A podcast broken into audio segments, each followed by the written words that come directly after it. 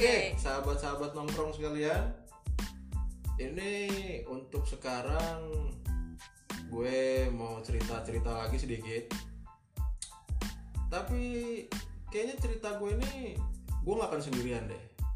Gue udah janji sama kalian bahwa gue akan cerita sama seorang cewek.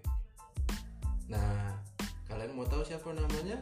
Biarkan nanti dia memperkenalkan diri ketimbang gue yang ngenalin, kita jadi so kenal. Nah, dipersilakan Mbak untuk mengenalkan diri. Oke, baik. Thank you, Kak. Jadi, kenalin nama gua nama lengkap apa nama pendek nih? Ya. Nama lengkap aja ya. Mana-mana aja, yang penting nama. Oke, oke, oke. Nama lengkap gua Deviangki Sandy Naibaho, orang Batak pastinya. Dan eh, ada keturunan sedikit ya, menado-menado gitu. Tapi ya masih dominan Batak sih. Eh, tinggalnya di Palembang. Asli Palembang dan panggil panggil gua ini aja sih Sandy Sandy temennya SpongeBob gitu ya kan Oh, panggilnya Sandy. Panggil panggil panggil sayang boleh? Alalala. Nanti ada marah lagi. Oh, kirain Iya. kirain nggak boleh. Ya terus? Ah, sekarang sih aktivitas masih di kampus ya. Eh, udah di lockdown sih. Dan kuliah di Fakultas Psikologi ya kalau sekarang. Aktivitas gua ya sekarang ini cuman belajar kalau ada kuliah online ya kuliah terus juga eh, nongkrong sama teman-teman yang masih bisa diajak nongkrong sama teman-teman yang masih ada di sini kan pastinya. Nah, kalau untuk pengalaman gue secara pribadi tentang nongkrong-nongkrong itu itu tuh berawal dari gue masuk kuliah. Dan otomatis kalau gue kuliah gue pergi dari kampung halaman pergi merantau gitu kan jadinya. Dari Sumatera menuju ke Jawa dan itu perbedaannya cukup cukup banyak banget sih. Ya perbedaan orang-orangnya terus juga perbedaan lingkungannya seperti apa tuh sangat-sangat berbeda dan yang gue rasain sih di sini walaupun pas awal-awal itu baru beberapa bulan gue ngerasa nyaman sih di sini. Karena ya orang-orangnya itu lumayan ya ramah-ramah nggak kayak di Palembang gitu kan maksudnya. Ya perbedaan budaya itu memang ada tapi gue lebih nyaman di sini sih. Dan semen apa awalnya gue di Palembang itu kata-kata nongkrong itu nggak pernah ada sih bagi gue dalam kehidupan gue karena apa ya? Karena mungkin dulu masih sekolah jadi belum dibolehin nongkrong lama-lama sama orang tua pergi sama cowok pasti di apa namanya eh dicurigai pergi sama cowok aja dicurigai dicurigai apalagi pergi sama cewek lebih dicurigai katanya tuh. Lucu. iya kan makanya. Karena katanya itu sesama teman itu bisa saja saling menjatuhkan atau eh, ya gitulah. Pokoknya orang tua kan eh, sangat menjaga anaknya gitu toh. Hmm. jadi dulu tuh pas sekolah kalau untuk nongkrong nongkrong gua itu paling ya cuman pergi siang. Siang ya sekitar satu eh sekitar 2-3 jam itu sudah dicariin. Di mana? Pulang pulang pulang. Pokoknya tuh cepet disuruh pulang tuh cepet gitu. Padahal cuman eh, nonton ke mall makan gitu kan sama teman-teman. Ya teman-teman cewek gitu kan. Nah terus sebelum sebelum hal itu terjadi nongkrong nongkrong itu terjadi pasti selalu ditanya mau ke mana pergi sama siapa gitu Interogasi ya maksudnya. Nah itu ditanya-tanyain terus. Kau pergi sama cowok ya? Enggak enggak enggak ada. Pokoknya tuh ya selalu ditanya-tanyain gitu kan. Dan sampai akhirnya waktu itu pernah pecah sampai jam 9 malam. Pecah sampai jam 9 malam dan itu benar-benar sudah dimarahin gara-gara nongkrongnya terlalu lama gitu kan dan udah terlalu malam. Jadi pulang-pulang ya ya itu diomelin disuruh tidur di luar dimatiin lampu segala macam gitu kan. Nah lalu eh, akhirnya gue memutuskan untuk bebas. Bebasnya itu dalam arti tidak eh, apa ya masih terjangkau lah istilahnya tuh masih baik-baik anak baik-baik lah ya gue nih ya. Eh, jadi gue nih memutuskan untuk kuliah di luar kota tempat apa namanya gue lahir gitulah. Pokoknya merantau gitu kan. Jadi gue memutuskan untuk pergi ke Jawa dan sekarang kuliah di sini. Eh, seneng sih seneng banget malah. Karena di sini gue punya pengalaman baru dan punya teman-teman nongkrong bebas gitu loh. Mau sama cowok mau sama cewek nggak ditanya-tanyain. Karena kan juga orang tua nggak ngeliat kan jadi ya bebas lah tapi dalam konteks masih eh, bisa menjaga diri gue terus kalau untuk nongkrong awal-awal itu palingan ya sama teman-teman teman seperjuangan sih bilangnya itu. Sama cewek-cewek yang satu OMB bareng-bareng gitu. Nongkrong lah kita berempat Eh, nongkrong di kafe terus juga nongkrong di rumahnya dia. Eh rumah kos kosnya dia. Maklum mana kos. Nongkrong di situ eh, sampai akhirnya sudah pada sibuk masing-masing tugas segala macam jadi kayak mulai berkurang nongkrongnya. Memang sih selama nongkrong itu gue mendapatkan eh, kesenangan sendiri gitu loh. Eh, lalu jadi kayak tahu gitu loh teman gue nih kayak gini orangnya. Oh ternyata dia nih kayak gini kayak gini kayak gini. Jadi kebawa gitu loh. Dia dia tuh sifatnya kayak gini selama nongkrong ya kurang lebih satu tahun lah kenal sama mereka gitu kan. Lalu eh, masuk ke ruang lingkup perkuliahan mulailah kenal sama yang namanya organisasi segala macem gitu kan.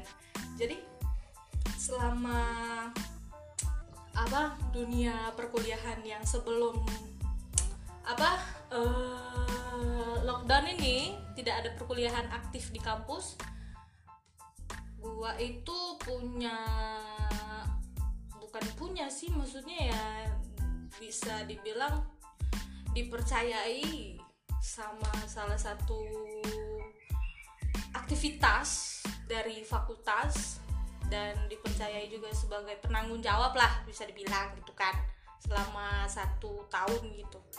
Dan di situ tuh gue merasa ya gue punya teman-teman punya adik-adik baru gitu kan. Karena di situ tuh bukan hanya teman seangkatan tapi teman adik tingkat gitu kakak tingkat juga banyak gitu.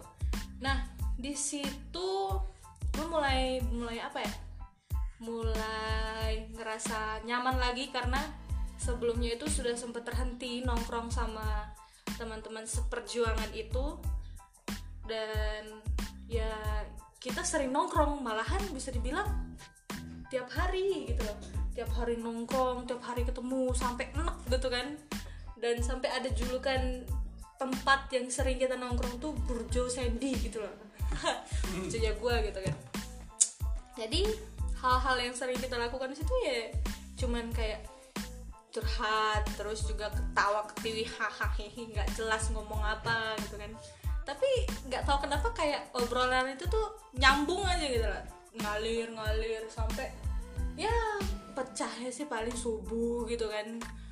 Eh, terus juga kita makan jalan-jalan ke mana gitu. Pokoknya tuh sama-sama gitu kan. Selesai misalkan nih selesai aktivitas yang kita lakuin nih terus kita langsung eh mau nongkrong di mana? Mau makan di mana? gitu kan. Eh burjo sandi burjo sandi gitu kan. Nah, pergilah situ. Terus juga pernah tuh waktu itu pengalaman gue nongkrong Eh, itu posisinya kita itu baru selesai latihan terus nongkrong sama ada sekitar ya 7 apa 6 orang gitu kita nongkrong Eh, nongkrong di tempat satu nih. Tempat satu tutup. Terus pindah lagi. Tutup lagi. Cari lagi. Oh dapatlah di sana tuh misalkan. Nongkronglah kita di situ. Sampai sampai pagi terus sampai diusir. Sampai diusir sama tukang-tukang warung yang di situ kan. Karena eh, apa namanya? Kita udah terlalu lama lah di situ pokoknya udah diusir terus akhirnya kami memutusin untuk pulang. Pulang kos yang mereka mereka yang adik-adik itu tuh pada ditutup gitu kan. Pada ditutup jadi tidurnya rame-ramean di kos gua gitu. Wah gila pokoknya begelaran di situ kayak ikan asin gitu kan. Nah terusan pagi-paginya itu jam 7 gue sudah harus di kampus. Sedangkan itu baru pulang itu sekitar setengah enam apa jam 5 gitu lupa dan itu nggak ada tidur sama sekali pulang-pulang duduk bentar langsung mandi. Ngerasain itu pagi-pagi air dingin banget di sini.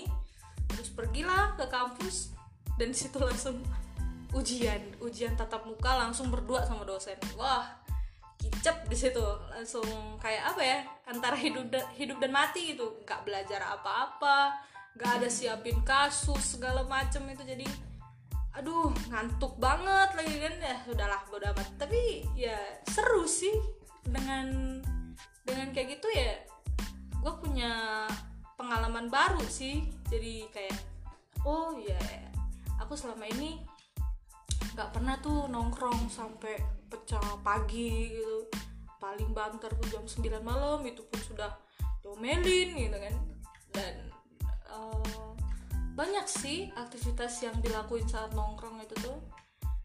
Uh, tapi semakin ke sini semakin kayak apa ya mereka juga punya aktivitas masing-masing. Sama halnya kayak teman-teman gue yang sebelumnya itu teman seperjuangan mereka juga memutuskan untuk ya gitulah apa namanya e, nongkrong masing-masing lah gitu. Ada yang punya pacar gitu. Nongkrong sama pacarnya. Lagu ah kagak ada pacar nongkrong sama siapa gitu kan. Bingung ya. Nah jadi sekarang ini nggak pernah lagi sih kita orang tuh kayak nongkrong nongkrong pecah sampai pagi tuh nggak pernah lagi. Karena ya mungkin perkuliahan mereka atau aktivitas mereka gitu kan nggak tahu.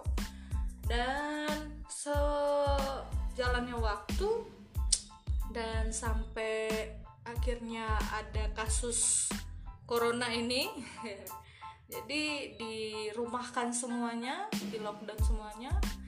Ya itu bingung gitu lah mau lo, apa mau nongkrong gimana gitu kan. Sampai akhirnya ya paling gue nongkrong nongkrong kecil gitu sama teman-teman pemuda gitu kan. Dan juga sama teman-teman yang belum balik belum balik kampungnya kenapa gue masih mau nongkrong sama teman-teman pemuda itu? Karena ya gue tahu gitu loh aktivitas mereka tuh di mana dan mereka bertemu sama siapa aja tuh gue tahu. Jadi nggak nggak takut lah gitu deket-deket sama mereka gitu kan. Uh, kita orang tuh juga nongkrong itu ya di tempat ibadah kadang. Di situlah kita ngumpul kita apa namanya nyanyi nyanyi gitu nongkrong apa cerita cerita curhat curhat gitu kan sambil nangis nangis ada terusan juga uh, main-main alat musik atau ada yang minta ajarin ke gini gini gini gini gini segala macam. Nah pokoknya seru lah gitu kan nambah nambah temen juga. Jadi kan me, apa nongkrong itu tidak harus dengan orang yang sama kalau menurut gua.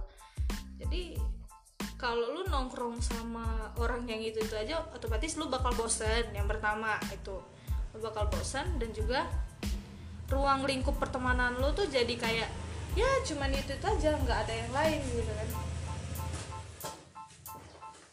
Jadinya oke okay, jadi kalau lu juga gue ulangin ya kalau misalkan lu berteman sama orang yang itu, itu aja otomatis ruang lingkup lu tuh bakal cuman ya itu, aja orangnya gitu loh.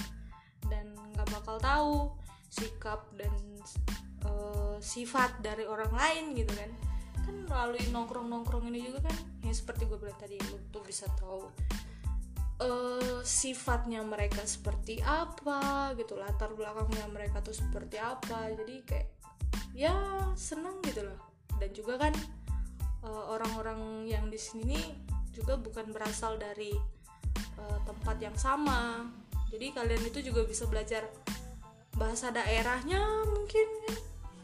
Jadi itu sih yang menjadi kesenangan tersendiri buat gue dan uh, untuk nongkrong sih mungkin nongkrong yang sekarang ya paling gue tuh sudah mulai membatasi lah. Karena kan gak bagus juga kalau misalkan sekarang itu nongkrong terlalu bebas karena ya pandemi ini belum selesai selesai jadi ya di rumah saja kebanyakan sih gue sekarang tinggalnya tuh di eh, ada di rumah ibu angkat bisa dibilang sering ke situ.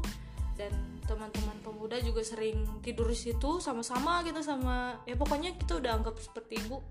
Ya nongkrong gue tuh paling gitu. Sekarang sih kalau untuk sekarang. Tapi nggak tahu nanti lihat ke depannya kan juga udah udah mau selesai jadi fokusnya itu bukan ke nongkrong lagi tapi kan udah mau ke tugas akhir. Gini-gini aja. Gitulah pokoknya. Sampai pernah waktu itu juga gara-gara nongkrong lupa gitu loh ada tugas gini. Ah, tapi kan dengan kita seperti itu juga kita punya pengalaman baru gitu kan. Ya mungkin itu sih kalau pengalaman dari gua tentang nongkrong gitu. Gitu sih. Berarti lumayan seru juga nongkrongnya ya? Iya dong jelas. Hitungannya juga bisa kenal dunia baru berarti. Iya gitu. Tapi yang jadi permasalahan satu sih Sen, Kenapa? kalau dari gue? Kenapa tuh?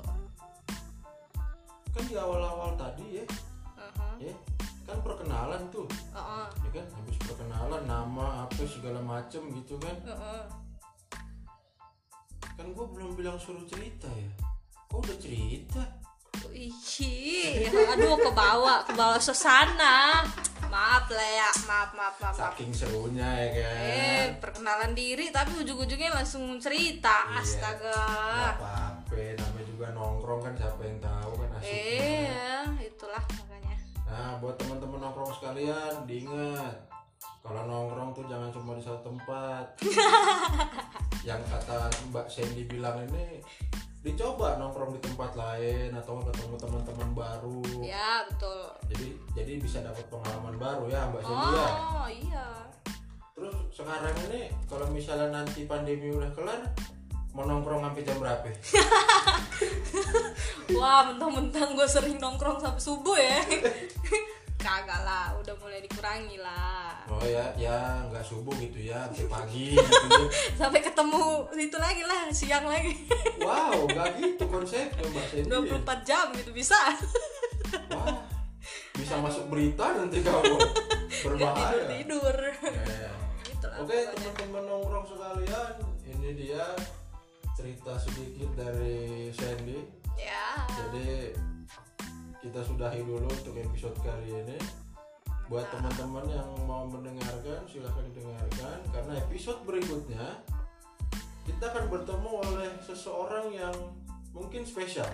Wadaw. mungkin spesial dan dia mungkin tidak tahu arti kata nongkrong siapa ya kira-kira Hmm, penasaran penasaran dong. tinggal tunggu episode berikutnya ya terima kasih selamat mendengarkan Ya.